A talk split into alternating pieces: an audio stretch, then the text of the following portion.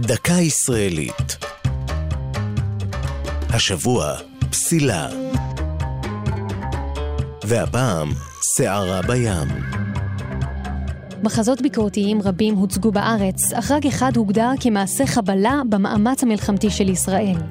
זהו שערה בים, מחזה שכתב יהושע בר יוסף ותיעד מסע של ספינות חיל הים לארצות הברית במטרה לגייס כספים בקרב יהודי אמריקה.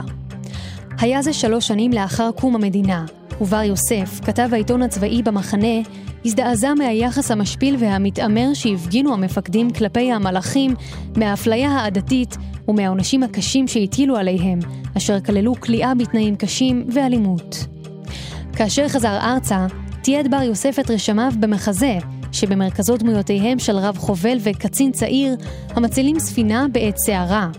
לאחר הסערה, קובע רב החובל כי לצעיר אסור היה להחזיק בהגה, מציע להוציאו להורג, ולבסוף מביא למאסרו. חברי המועצה לביקורת סרטים ומחזות, גוף הצנזורה התרבותית שפעל באותה תקופה ועד שנת 91, התלבטו אם לאשר את העלאת המחזה, מחשש פגיעה בתדמית צה"ל. באופן חריג, הביאו את הנושא לעיון הרמטכ"ל דאז, יגאל ידין, שבעצה אחת עם ראש הממשלה ושר הביטחון, דוד בן גוריון, הורה לפסול את ההצגה המתוכננת. יהושע בר יוסף הלך לעולמו בשנת 92. זו הייתה דקה ישראלית על פסילה וסערה בים. כתבה יעלי פוקס, ייעוץ הפרופסור רפי מן, הגישה נועם גולדברג.